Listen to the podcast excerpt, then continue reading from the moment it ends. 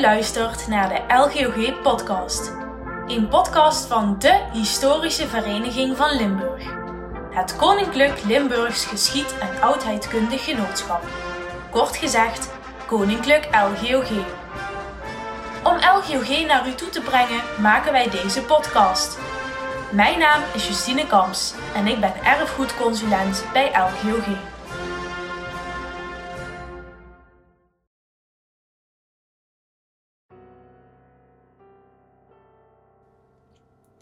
Vandaag wil ik bij u een nieuw podcastonderwerp introduceren: de wederopbouw van Limburg. Een belangrijk onderwerp. In maart was het namelijk precies 75 jaar geleden dat Limburg in haar geheel was bevrijd. En afgelopen dinsdag was heel Nederland 75 jaar bevrijd. We herdachten de bevrijding van Limburg groots. De bevrijding van Nederland moest helaas iets ingetogener herdacht worden vanwege de coronacrisis. Na de bevrijding brak er een hele nieuwe tijd aan. Een fase van wederopbouw. De mensen moesten hun dagelijkse leven weer oppakken en velen moesten zelfs helemaal opnieuw beginnen. En dat allemaal door een verwoestende oorlog. In de afleveringen over de wederopbouw gaan we op reis naar een andere tijd en plaats. En zullen we meemaken hoe mensen hun leven weer starten na de Tweede Wereldoorlog en welke onderwerpen daarbij een rol speelden. De meeste mensen zullen aan een bepaald beeld denken bij het woord wederopbouw. Verwoeste huizen, kinderen die spelen in de rommel, werklozen op zoek naar werk. Maar misschien ook uitbundige feesten. Meisjes die dansen met oranje strikken in hun haar. Mensen die met Nederlandse vlaggetjes zwaaien en zich laten meevoeren op tanks. Al die dingen zullen ook langskomen in deze podcast. Maar daarnaast zal ik ook proberen om onderwerpen te belichten die minder vaak aan de orde komen. Wat dacht u bijvoorbeeld van de natiescholen hier in Limburg, die een totaal andere functie kregen na de oorlog? En hoe was het voor bevrijdingskinderen om een Afro-Amerikaanse vader te hebben? Waar werden alle soldaten begraven, van zowel geallieerde als vijandelijke zijde? En hoe bepaal je wat je wel en niet opnieuw gaat opbouwen? Dat alles wil ik ook verbinden aan het nu. Hoe denken we tegenwoordig aan die periode terug? Hoe herdenken we deze periode en welke invloed hebben de gebeurtenissen die tijdens de wederopbouw plaatsvonden tegenwoordig op ons leven? In deze aflevering gaan we kijken naar waar het allemaal begon: de bevrijding van Limburg. Een zeer interessant, maar ook een heel ingewikkeld verhaal.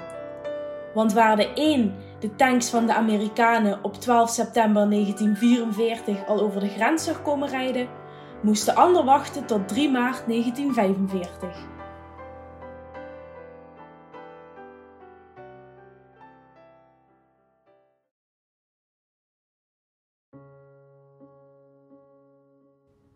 Op 10 mei 1940 werd Limburg zonder al te veel strijd door de Duitsers bezet.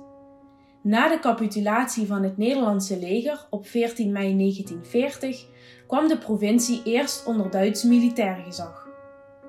Met ingang van 29 mei 1940 kwam de provincie onder Duits burgerlijk oppergezag te staan, met een rijkscommissaris in Den Haag.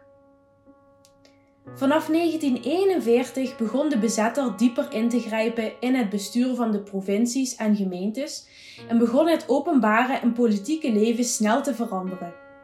In principe kwam alles geheel tot stilstand.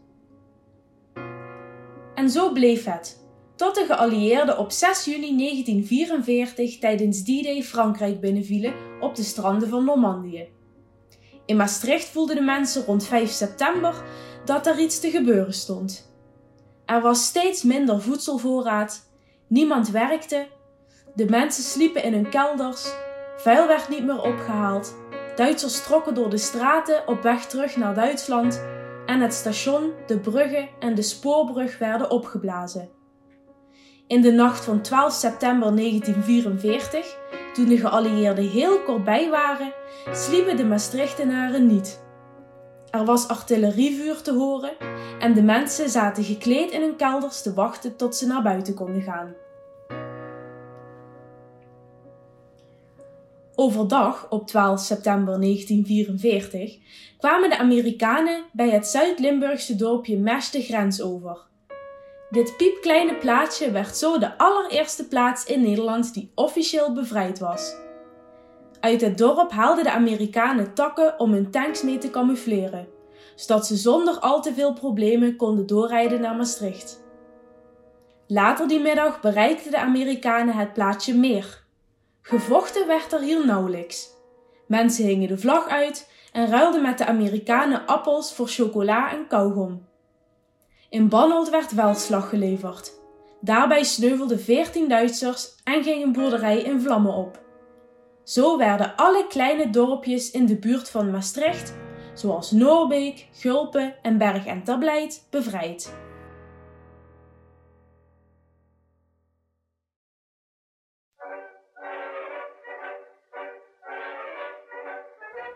Op 13 september 1944, om kwart over vijf, reden de tanks van de Amerikanen de Heerderweg in Heer op. De soldaten liepen door de straten en werden voorzichtig begroet door de burgers die nog niet helemaal konden geloven dat het na al dat wachten eindelijk zover was.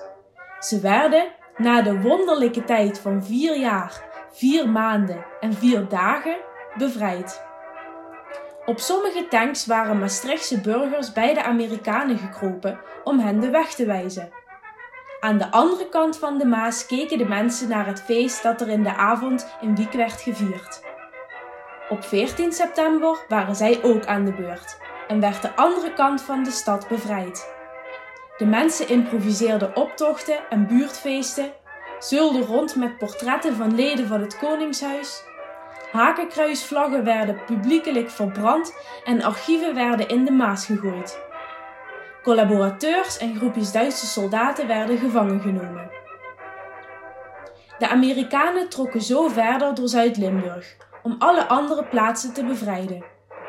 Dat gebeurde dorpje voor dorpje. Een van de redenen hiervoor was het Limburgse heuvellandschap. De tanks van de geallieerden hadden last van de heuvels kanaaltjes, riviertjes en dalen. De geul werd daarnaast door de Duitsers gezien als een sterke stelling die tot elke prijs behouden moest worden. Alle bruggetjes, hoe klein ook, werden door hen opgeblazen. Ook werd door de Duitsers geprobeerd het oprukken van de Amerikaanse troepen te vertragen door de mannen in de omgeving op te roepen voor chansarbeid. Dit betekende dat er geulen gegraven werden om de tanks tegen te houden. Veel mannen doken onder om dit niet te hoeven doen. Om er verder voor te zorgen dat de Amerikanen moeilijk konden doorstoten en geen contact met elkaar konden hebben, staken de Duitsers treinstations, postkantoren en licht- en watervoorzieningen in brand of maakten deze onklaar. In ieder dorp waar de geallieerden kwamen, ontstond een enorme vreugde. Er waren vlaggen te zien, het volkslied werd gezongen en de soldaten deelden sigaretten en handtekeningen uit. Toch probeerden ze de burgers ook te waarschuwen voor de laatste stuiptrekkingen van het Duitse leger. De vrede was pas vers en de Duitsers waren vaak op verschillende plekken nog steeds aan het schieten. In de tijd tussen 14 september en 5 oktober 1944 werd Zuid-Limburg bevrijd.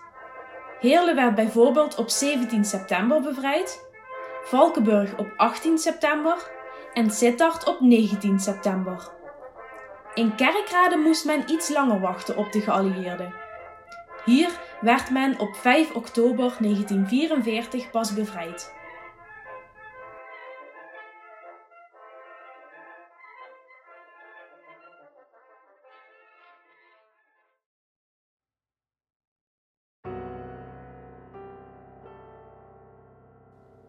Terwijl er in Zuid-Limburg gefeest werd, begon de sfeer in Midden- en Noord-Limburg steeds grimmiger te worden. Boven Sittard bleven de geallieerden steken. Sommige plaatsen hadden het geluk dat ze bij het gebied hoorden dat tijdens operatie Market Garden werd bevrijd. Dit was een grote luchtlandingsoperatie die erop gericht was om strategische bruggen op Nederlands grondgebied te veroveren. Zo werd Weert op 22 september 1944 bevrijd en Venray op 18 oktober 1944. De steden en dorpen in Noord- en Midden-Limburg die nog op de bevrijding moesten wachten, hadden het zwaar te verduren en liepen ook veel schade op. Omdat de Duitsers zich in het nauw gedreven voelden, gingen ze ook nog eens veel strenger optreden in de gebieden die nog bezet waren. Venlo was een van de grotere steden die zwaar getroffen werd. Voor de Duitsers was deze stad van groot belang. Dit kwam door het vliegveld Vliegerhorst en de vele bruggen over de Maas die hier lagen. In september, toen duidelijk werd dat de geallieerden eraan kwamen, begonnen de Duitse soldaten te vluchten. Ze werden echter opgevangen bij de grens, waar ze tot de orde werden geroepen. De Duitsers die nog niet waren gevlucht, werden streng in het gareel gehouden, bijvoorbeeld met strooibiljetten. Half september 1944 werden de bruggenhoofden bij Venlo door de Duitsers verdedigd. Rond de stad werd een gegraven, waarbij de bevolking in ruil voor levensmiddelen moest meehelpen. Dit was dus weer die zogenaamde chansarbeid. De angst voor een mogelijke deportatie naar Duitsland zorgde er echter voor dat velen zich schuilhielden. Er werd daarom door de Duitsers gedreigd dat als niet genoeg mannen zich zouden opgeven, ze ook vrouwen en meisjes zouden inzetten. Dat ze mannen zouden deporteren en zelfs dat ze gevangenen zouden doodschieten. Ook werden er Poolse en Russische arbeiders ingezet. Mannen kwamen graven, maar zo snel als de gijzelaars die eigenlijk doodgeschoten zouden worden vrijgelaten werden, kwamen ze in steeds mindere mate opdagen. Uiteindelijk werden toch mannen uit Horst, Zevenum, Broekhuizen, Grubbevorst, Lottem, Helde, Panningen, Maasbree, Baarlo en Venlo opgepakt en gedeporteerd.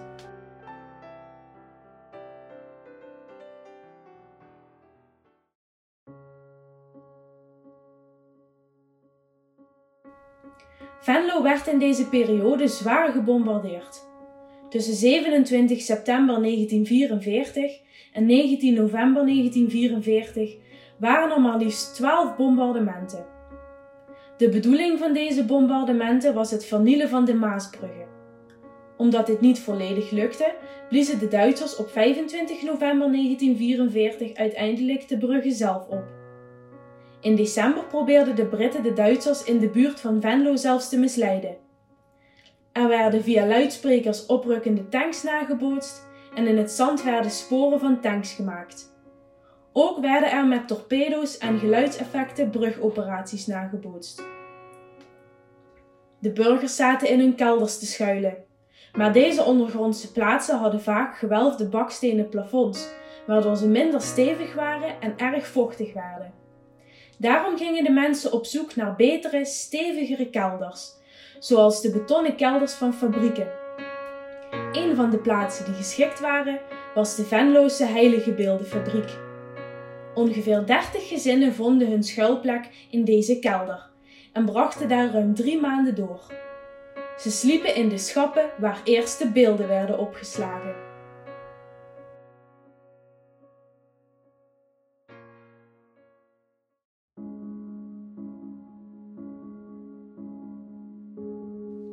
Ook in Roermond hadden de burgers het moeilijk. De Duitsers gingen aan de slag om met de geallieerden zo moeilijk mogelijk te maken om de stad in te nemen. Bruikbare machines en voorraden werden weggesleept en terreinversterkingen zoals tankgrachten werden aangebracht. In de straten waren spoorrails rechtop ingegraven en omringd door beton. Er was prikkeldraad, er waren mijnen en er werden booby-traps opgezet. De stad werd volledig veranderd en aangepast en de Roermondse mannen moesten gaan graven.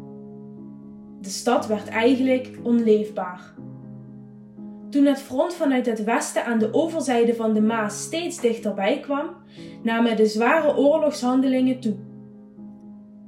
Op 6, 13 en 15 oktober 1944 waren er bombardementen.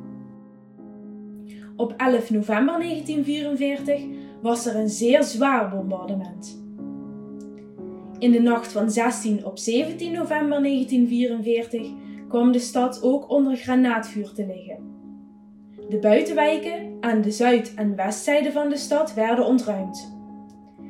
Intussen werd de toestand in de stad steeds benarder. Er waren telkens onverwachte beschietingen, dus leefde men ondergronds, net als in Venlo. In de keldermuren waren openingen gemaakt, zodat de mensen van huis naar huis konden gaan in het geval dat een van de huizen tijdens het schuilen in de kelder zou instorten.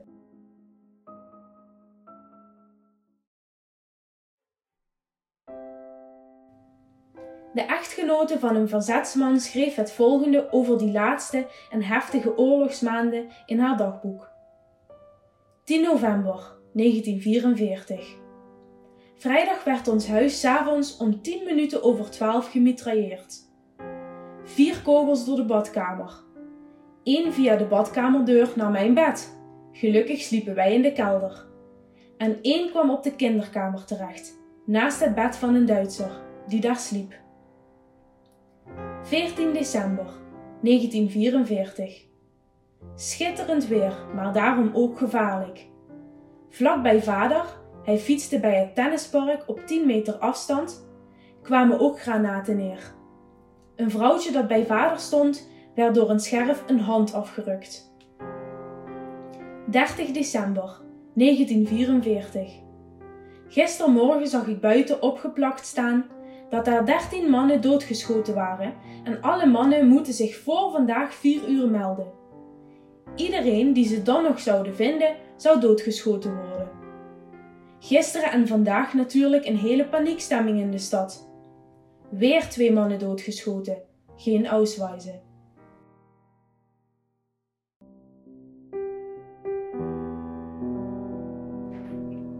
De burgers konden niet langer in Venlo en Roermond en de dorpen daaromheen verblijven. Het was te gevaarlijk. Tussen half oktober 1944 en eind januari 1945 kreeg de bevolking van Midden- en Noord-Limburg daarom te maken met evacuaties. De Duitsers evacueerden 80 tot 90.000 burgers ten oosten van de Maas en de geallieerden ongeveer 50.000 personen aan de andere kant. De evacuatie van de stad Venlo begon op 14 januari 1945 en die van Roermond op 20 januari. In verband met Chansarbeid en de arbeidseinsatz waren in Roermond de mannen voor het grootste deel al weggevoerd. De burgers kregen per groep van 500 het bevel binnen een uur hun huis te verlaten met slechts een paar benodigde bezittingen.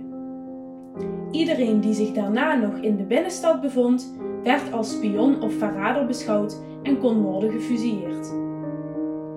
Het was lastig om de mensen per trein te vervoeren. In Nederland waren de treinwissels onklaargemaakt. Ook was er niet genoeg benzine. Dus per vrachtwagen konden de mensen ook niet vervoerd worden.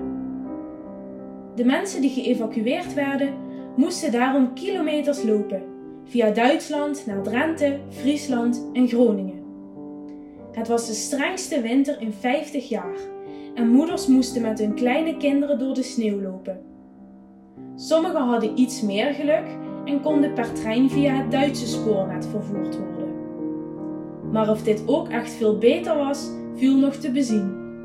De reis duurde namelijk drie nachten en twee dagen en mensen werden in vieze veewagons gepropt zonder water of eten. Alleen de mensen die te ziek of te zwak waren om te reizen, mochten in de kelders van ziekenhuizen en fabrieken verblijven. Na het Ardennenoffensief kwam het front weer langzaam in beweging. De geallieerden kwamen nu vanuit Duitse kant Limburg binnen. Op 1 maart 1945 werden zowel Venlo als Roermond bevrijd. De geallieerden troffen een enorm rampgebied aan. Het leken wel spooksteden en dorpen waar ze zich in bevonden. In Roermond bijvoorbeeld waren nog maar 168 mensen aanwezig. Er was geen elektriciteit, geen stromend water en er waren bijna geen levensmiddelen meer. De steden en de omliggende dorpen waren daarnaast omringd door mijnenvelden. De bevolking kon dus niet meteen terug naar hun huizen komen. Eerst moesten alle tanks, wapens, mijnen en booby traps verwijderd worden. In mei 1945 konden de meeste mensen pas weer naar huis.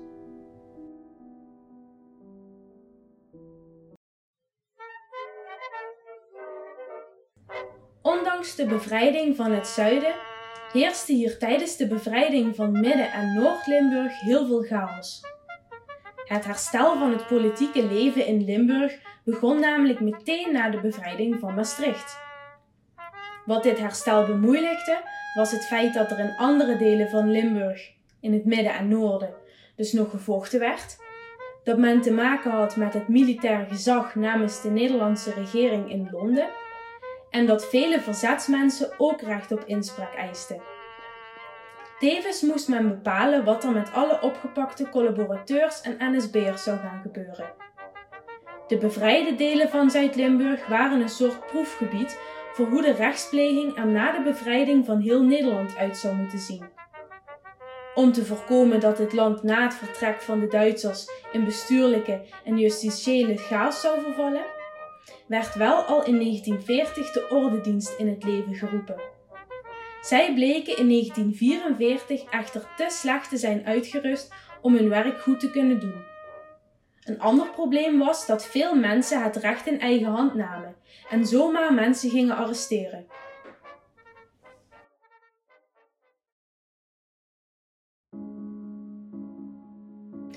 En zo bleef de oorlog zelfs na de bevrijding nog aanwezig in Limburg.